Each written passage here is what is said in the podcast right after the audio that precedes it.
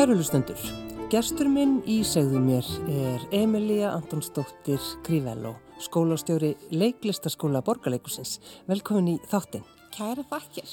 Hvaðan er Crivello nafnið? Crivello er tæknilega séð frá Sikilei á Ítalíu en pappi minn er frakki og pappi hans um, var fættur og uppalinn í Túnis en fjölskyldan kemur frá Ítalíu og, og þaðan kemur nafni. Já, já. Og, og sko það, það er Emilia Antonsdóttir þannig að, að sko þegar pappin flytti til Íslands, mm -hmm. skulum aðeins byrja þessu, það er svo gaman að pælja nöfnum. Já. Þá uh, þurftan, uh, þá lenda hann í þessarum fáránlegu reglu sem við vorum á Íslandi að fólk þurft að breyta um nafn mm -hmm. sem er náttúrulega bara uh, svo sem höldum því til haga mjög fáránlegt. Mm -hmm. Já, til að fá ríkisborgarið þá þurft hann bara tala, taka upp al Íslands nafn og hann hétt náttúrulega Antoine sem frakki Já. og þá var auðvilt að breyta því Anton en það var alveg útilokað að fá að heita Crivello og pappi hans hétt Vincent, Vincent sem var ekki samþygt þá og, en hann var skýrir höfuð, höfuð á afa sínum sem hétt Anton þannig að það var ekkit annað í stöðin en að heita bara Anton Antonsson Já. í 50 ár, eða þú veist að því að þegar þessu var breytt tilbaka þá var hann einhvern veginn búin að heita Anton Antonsson svo lengi Já. að það var svo skrítið að fara allt í einu að segja Antoine. Um, hann bara hérna í íslensku fellunum í herstaferðunum og allir kalla hann Anton eða Tony. Já, einmitt. En uh, hvaðan, sko, þú veist, Frakland, ég menn, er, er það stór partur þínu lífi, Emilia? Já, sko um, ég er næst yngst af fjórum sískinum og áður en ég fæðist að búa mamma og pappi alveg svolítið í Fraklandi með hérna elsta bróðu minn en eftir að ég kemur heiminn þá er pappi bara orðin svo skotin í Íslandi að honum langar ekkert að búa í, í Fraklandi þannig að ég elst mest upp á Íslandi en við fórum til Fraklands veist, okkur í einasta ári byggum þar í eitt ár þegar ég var í Sjötabæk sem var aðeinslegt og þá lærði ég lóksins almennilega fransku Já, einmitt. og hérna þannig að jú, auðvitað er þetta partur af mér Og afiðin og amma þar, hvern, hvernig fólk var það? Já, sko, afi minn átti alveg ótrúlega flókna og merkilega söga því að hann var til dæmis að hérna, hermaður í setni heimstjóraldinni og þú veist, auðvitað gegn sín vilja þannig að séð, en hann er fættur og uppalinn í Túnis af ít, í ítalskri fjölskyldu.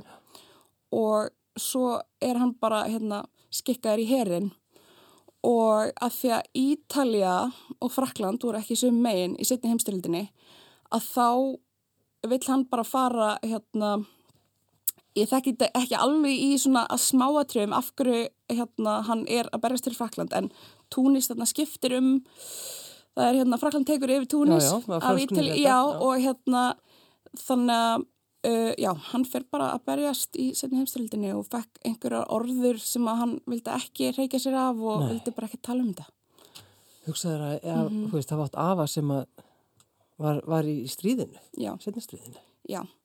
Það, þetta var svona bara partur af honum sem að, þú veist, hann, honum fannst ekki merkilegur þótt hann hafi fengið þessar orður og, og var þarna réttu megin, þú veist, en hann hefði þetta bara misti vini og horfði upp á hluti sem að maður kannski, já, sem maður skilur alveg hann hafi ekki viljað tala mikið um. Nei, en, en amma þín, mannstu eftir henni, Emilia? Já, amma mín var algjör karakter.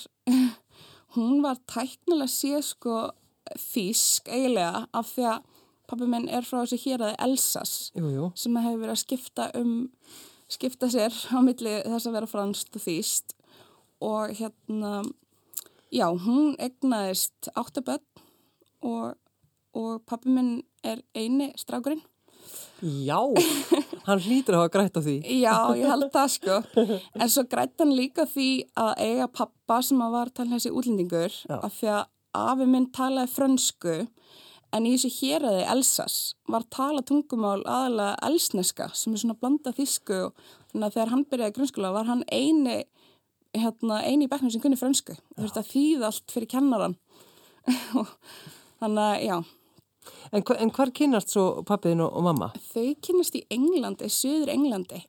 Þeim fannst báðum spennandi að fá sér sumavinnu í svona gamaldags ennskum skemmtigarði og pappi sem hafði aldrei sko eldað neitt á æfisinni, hann var sett beint í eldu sig að því að hann var frakki. Já, já þessi maður Já, að hann kunna elda. lítur að kunna elda og hérna mamma með síða ljósa hári sitt var að hérna passa krakka, það var svona hægt að setja börnin í svona tímabundna vistun, Mm. svona nokkra tíma á dag í svona skemmtikarði og þau bara kynntust á í svona staffapartí, sko. Já, já, hvað heitir mamma þín?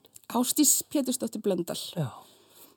Um, þau fara svo mm, út í þetta sko að vera með ferðarskristóður það ekki, þannig að frakkarnir er alltaf að koma út af þínum fórildrum. Já, mamma mín er östfyrringur, ættu frá hérna Seðisfriði og þau búa þarna á Eilstöðum uh, alveg lengi, yfir 20 ár og pappi stopnað þar ferðarskristöðu sem hétt ferðarmestu Östurlands svo flytjaði þau bæinn og, og það þróast Mm. og pappi hefur, já, bara frá upphæfi verið spenntu fyrir að sína öllum Ísland. Já, og, og íslenska hestinu það ekki? Jú, Já, þannig að hann er, já, hann er ennþá með hesta og, og hann er komin yfir sjötugt en hann er bara svo sprækur, sprækar en ég örgla.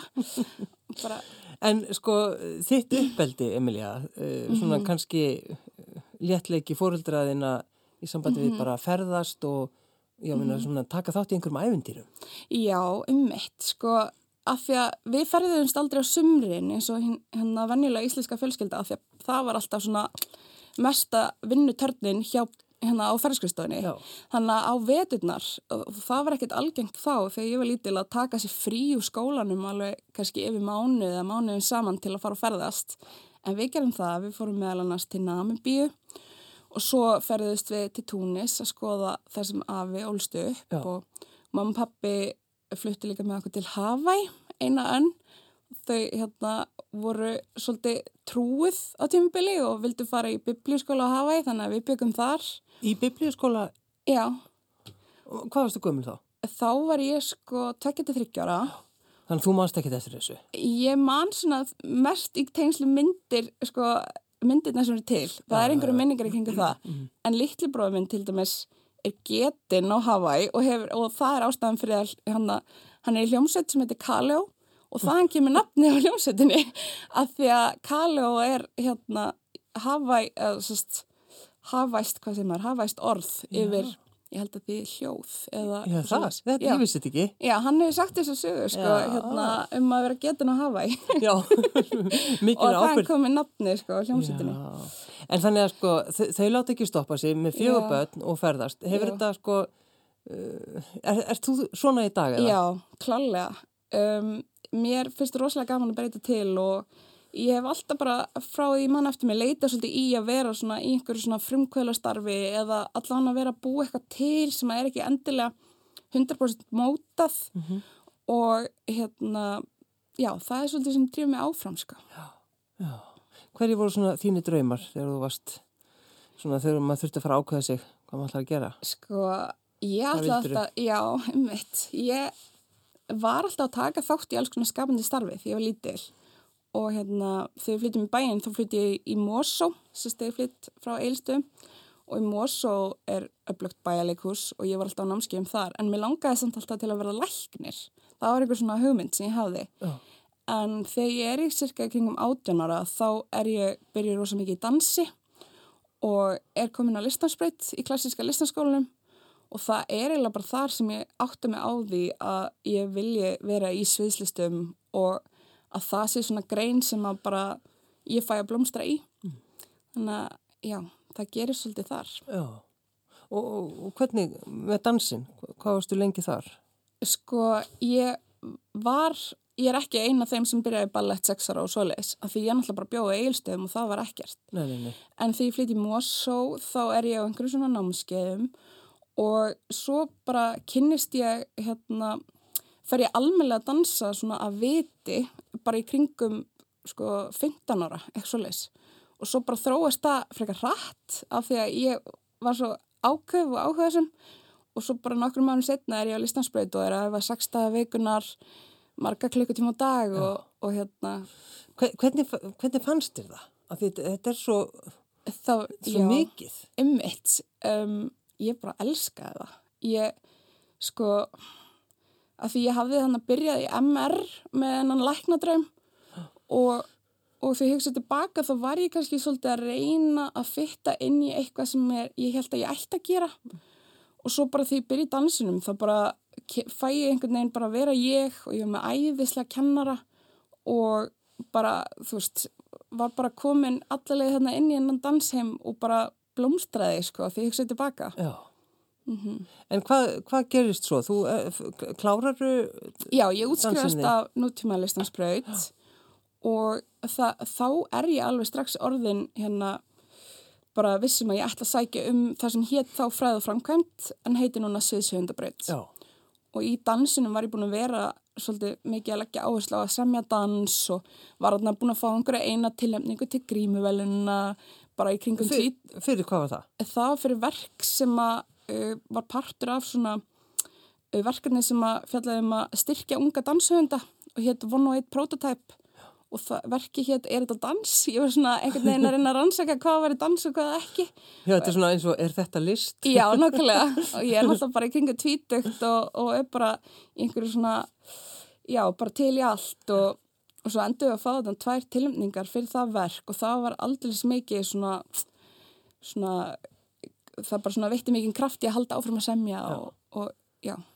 Hvernig var þetta sko? Voru þið mörg á sviðinu? Nei, þetta var, þetta var bara solo sem að ég og Hrafnildur Benediktsdóttir, heitir hún, um, gerðum saman og ég var titlaði dansöfundur og hún dansari og þetta var, já, þetta var svona tilrunakendur danssolo, Já, það geti ég alveg listi. já.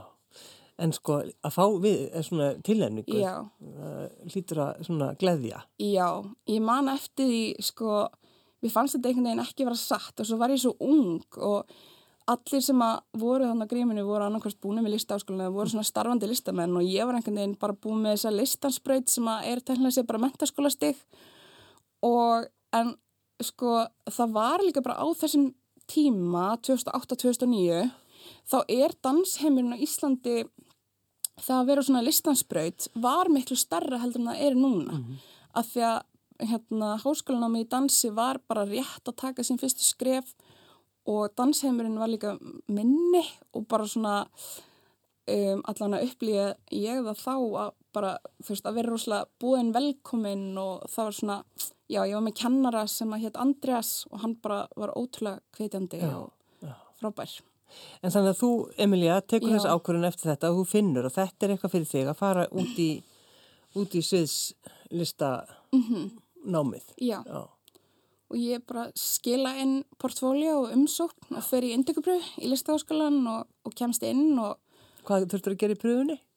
um, sko, í pröfunni sjálfur voru þetta svona æfingar og bæði verklegar og skriflegar hópverkefni sem áttum að sína og viðtal og svo áttum að líka að koma með hérna svona hálfgjart atrið til að sína bara fyrir dónavendina Já, og svo var líka, já fyrir það hafði maður skila portfóljó og einhverju brefi og já þetta var svona margþætt og mjög náttúrulega svona mikil spenna í kringu þetta að sækja um. Og svo náttúrulega komast inn var bara algjör draumur og, og þetta er frábært nám, þetta er mjög kræfjandi nám ég eignast þarna dóttu mína með námi 2013 vel skiplagt. Já, þetta er ekkert skipulegt en bara frábært Já. og velkomið og hérna, þannig að ég eignast hana og svo útskrifast ég þá aðeins setla en áallar var. Já, já. Og það er semst, hún lukka. Já, Já. lukka skóladóttir. Og er hún eh, til í eitthvað svona? Já. dansinn? Sérðu, ertu eitthvað Hún að sjá er til í hana? allt, sko. Hún er svo til í leiklist og til í dans og hún bara spyr mig daglega hvernig hún megi koma upp í borgarleikus í leiklistaskólan. En hún er alltaf of ung ennþá.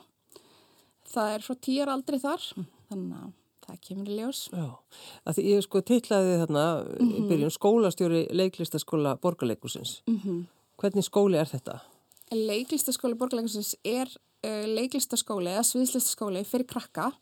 Krakkarnir sem er í skólanum eru 10 til 16 ára og þetta er þryggjára nám uh, og þetta er bara eins og æfa leiklist, þau bara æfa tvisar viku, samtals fjóra tíma og útskrifast síðan sem hérna ungleikarar.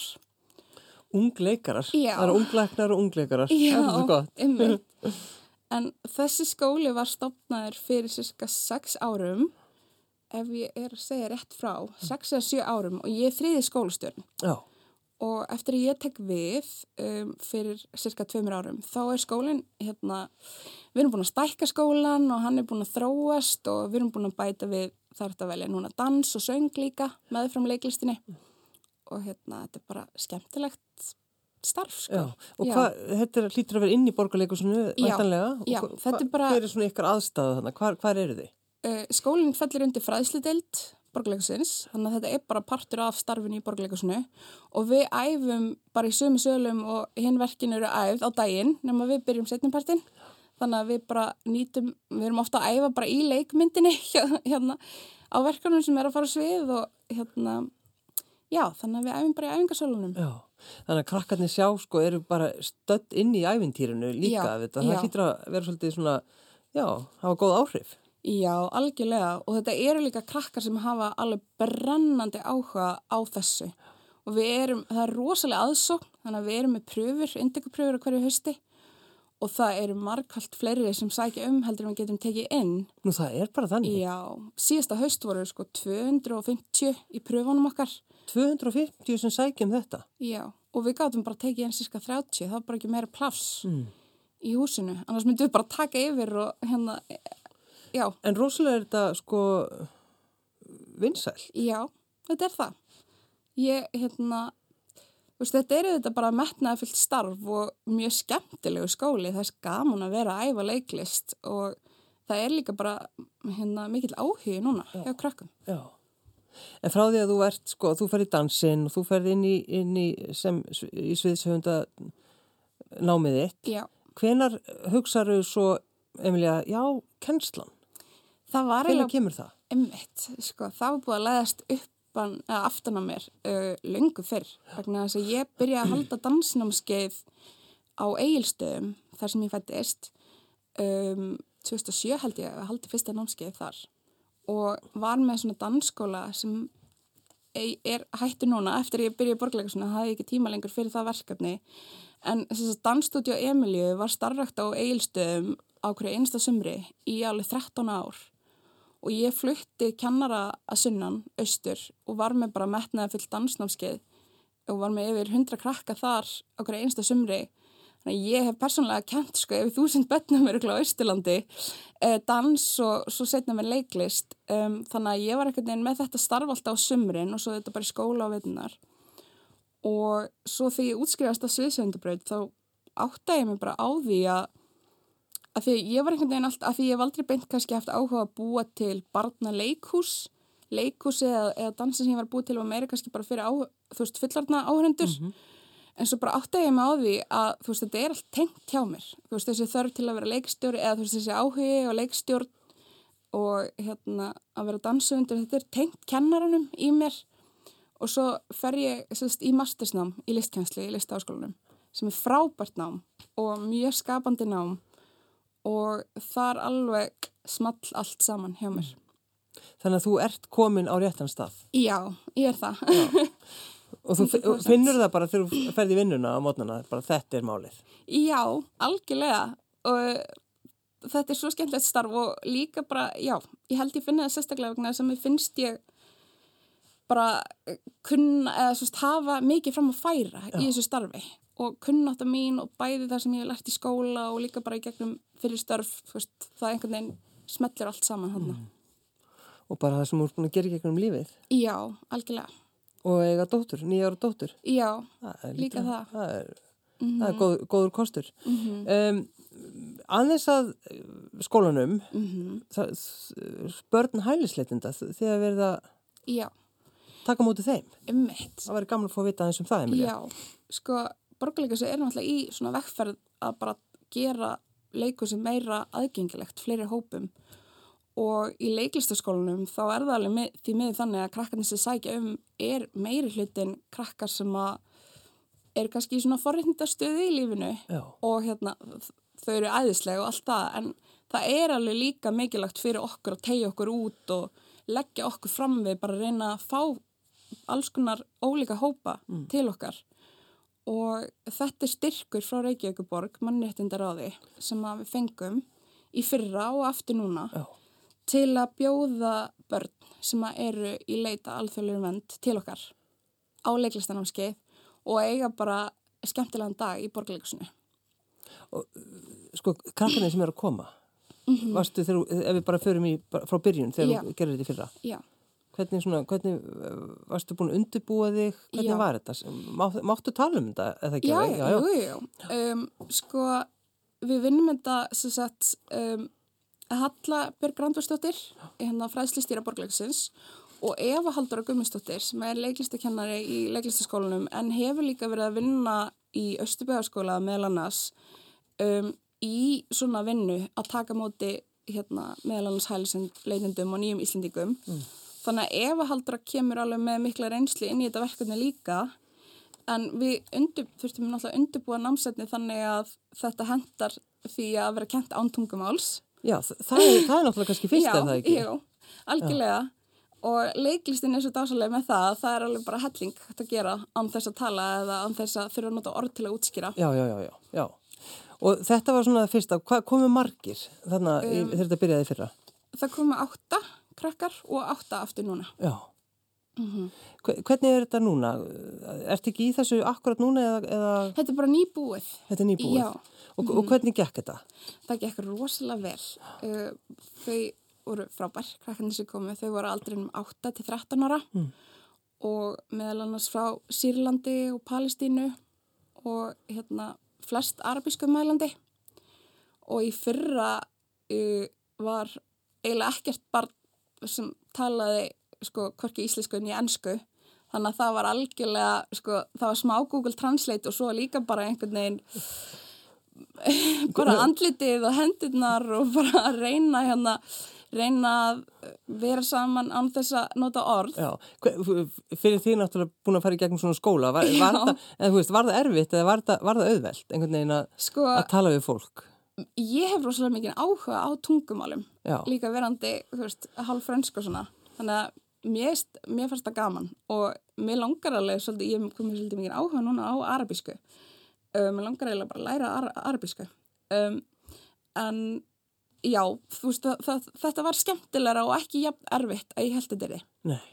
En kannski sem kom okkur mest óvert í fyrra var sko hvað þeim fannst pizza vond. Við vorum með pizza í hátíðismat. Og þú, þið hafa ætla að vera algjörlega örug við Já. bara pöntum pizzu. Já, bara krakka matur, Já, já. krakka og þau, þau voru ekki hrifin að því. Um, þannig að núna fengum við mat frá Mandi, bara svona falafel og ymsassalis sem að þau voru alveg mjög ána með. Já, hummus og eitthvað er já, snáklega. Um, en annars er, já, dagskrán er þannig að þau koma til okkar og við erum með leiklistasmiði Mm. og í smiðinni eru leikir og búningar og, og hérna, já, við vorum sérst með svona búningasatt sem að þau möttu velja og þeim það mjög gaman Já, og svona spunaleikir og um, svo hérna borðum við saman hátegismat eftir smiðina og svo buðum við þeim á Emil í Kattholti. Hvernig fannst þeim að, að því að þau náttúrulega skilja ekki íslenskuna, hvernig fannst þeim þetta?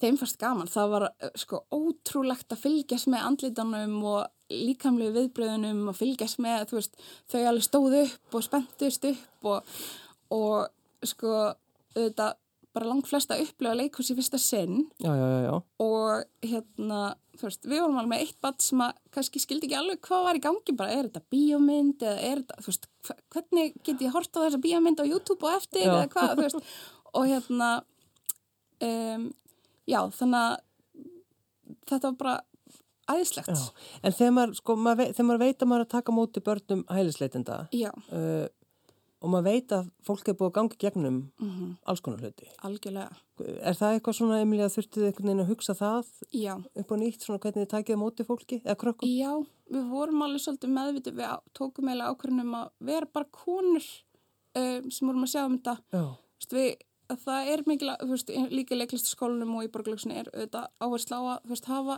sem jöfnist kynjalutur starfsmanna en við ákveðum bara að vera konur líka bara þannig að þú veist, að myndum ekki lendi að kannski væri kallmaður sem þyrfti að labba einn inn einhvern gang með barni Já, alls konar svona pælingar. Já, já, og líka bara skilja þau ekki eftir í myrkri einhver starf þegar við erum að skoða húsið uh, reyna að útskýra fyrir þeim eftir fremsta megni þú veist, hvernig planið er og þú veist, sína um allt sína, þú veist, hver klóstið er, eða svona, bara hafa allt umhverju örugt, um, já, þannig að það er svona aðalega það. Já, já.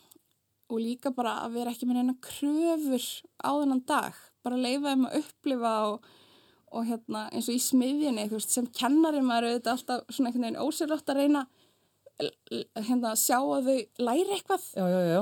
en svo þurftum við líka bara að þú veist, stíga tilbaka og hugsa bara ef þau hérna skemmta sér og er að eiga góðan dag þá þurfum það ekki til að læra eitthvað svakalega mikið um hvernig er að vera á sviði eða skilur við þannig að það bara já, það er svona aðalega þetta Já.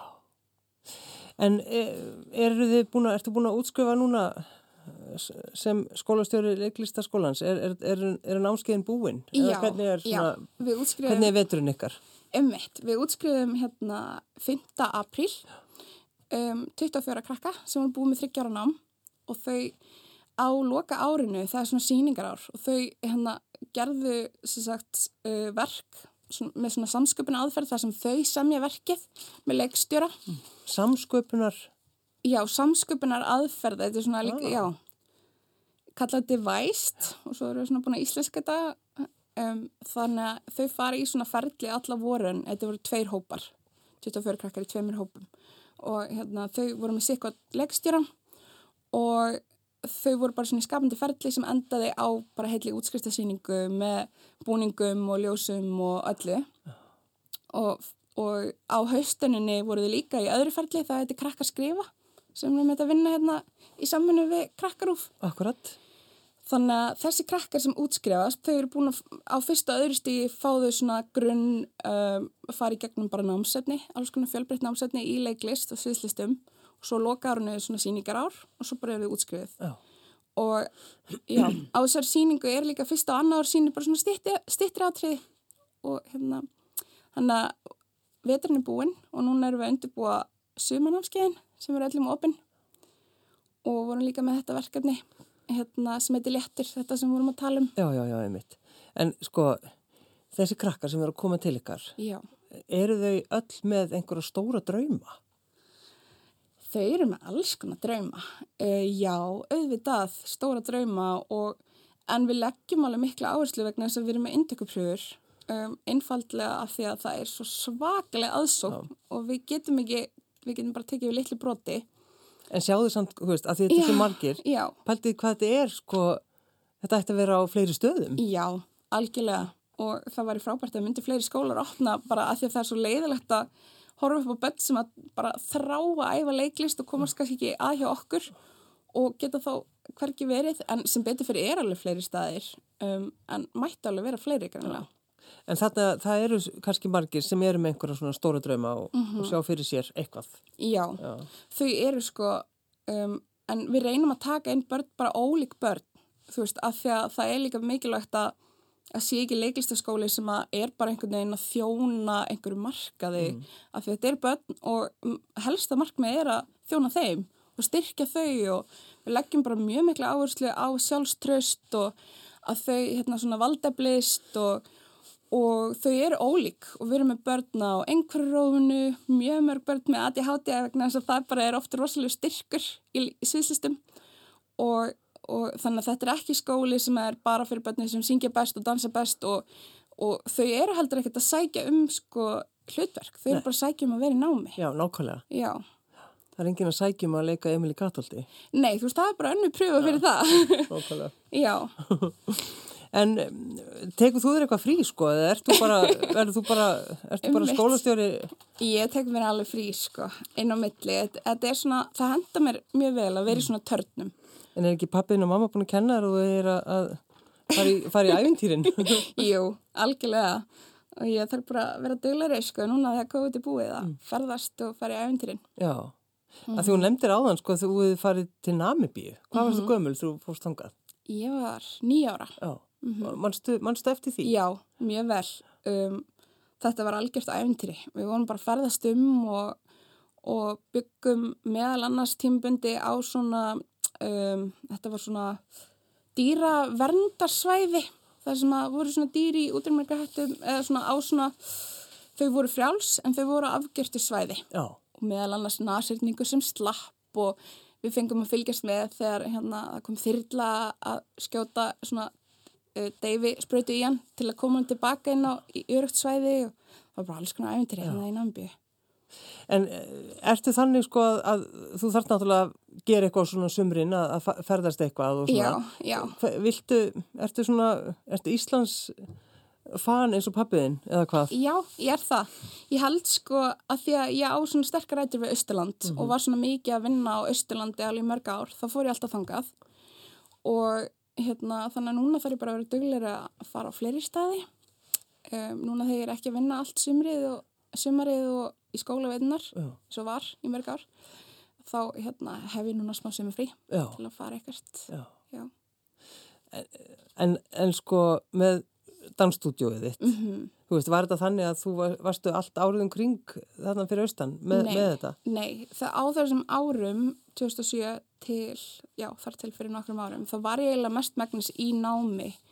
Fyrst í mentaskóla og svo í bjánámi og svo í mastersnámi og, það, og þá náttúrulega fór ég austur bara að vinna yfir sumari og var með hérna dansstúdíu Emilju á sumarinn og svo var líka alls konar annar starf fyrir austan sem ég var með bara samhliða. Uh, var með skapandi sumastörf, tók þátt ég að stopna það fyrir austan, fyrir ungmenni hérna, til að geta unnið eins og er hérna í bænum, að geta unnið að skapandi störfum og var líka með svona skapandi námski úlingavinnunni og ýmislegt. Bara reyndi bara svona að búa mér til fyrst, eins mikið hægt var.